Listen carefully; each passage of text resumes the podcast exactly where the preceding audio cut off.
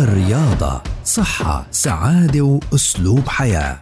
نصائح ومعلومات رياضية مهمة لجسم صحي وسليم تسمعوها يوميا عبر أثير أجيال. مع الكوتش مجدي الرابي مدرب الرياضة المحترف. مع الكوتش بودكاست من أجيال. يأتيكم كي تطوروا أجسامكم نحو صحة أفضل. يسعد أوقاتكم. بهاي الفترة كتير عمالنا بنسمع عن العمليات اللي بيسووها الناس لتصغير المعدة تكميم المعدة.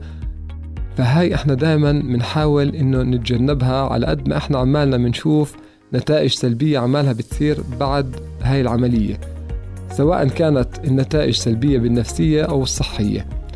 كثير ناس بنشوفهم إنه والله لما عملوا هاي العملية صاروا بعد فترة مش عمالهم بيقدروا ياكلوا كميات كبيرة من الطعام بالعكس عم بأكلوا كميات قليلة جدا جدا وبيشعروا بالشبع.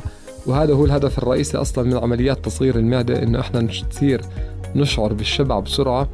بس إحنا اللي بيصير عنا إنه بطلنا نقدر ناكل كمية جيدة من الطعام اللي هي تقدر تدخل عنا المواد الغذائية الكافية اللي لازمة لجسمنا. يعني إذا إحنا عنا في اليوم لازمنا نسبة معينة من الكربوهيدرات ولا البروتين ولا النشويات فإحنا بنحس إنه ما بنقدر ندخلها علينا بهاي الكميات اللي إحنا لازم ندخلها. عشان هيك بصير عنا بعد فترة هزلان في الجسم ممكن يصير شحوب يمكن يصير في عندي والله ضعف بالدم.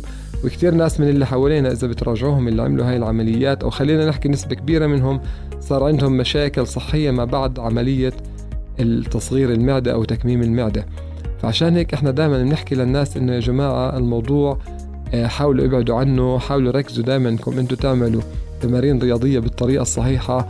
انكم أنتم تلتزموا في الأكل والموضوع أكثر من إرادة ما بده. يعني إحنا طول ما إحنا عمالنا بنلتزم وبنعمل موضوع في الإرادة وبنخلي جسمنا يشتغل بالطريقة الصحيحة فإحنا رح نحصل على هاي النتائج. دائما التدخلات الجراحية إلها تبعات أخرى بتأثر للنفسيه بتأثر ل والله الصحة الجسمية والصحة البدنية.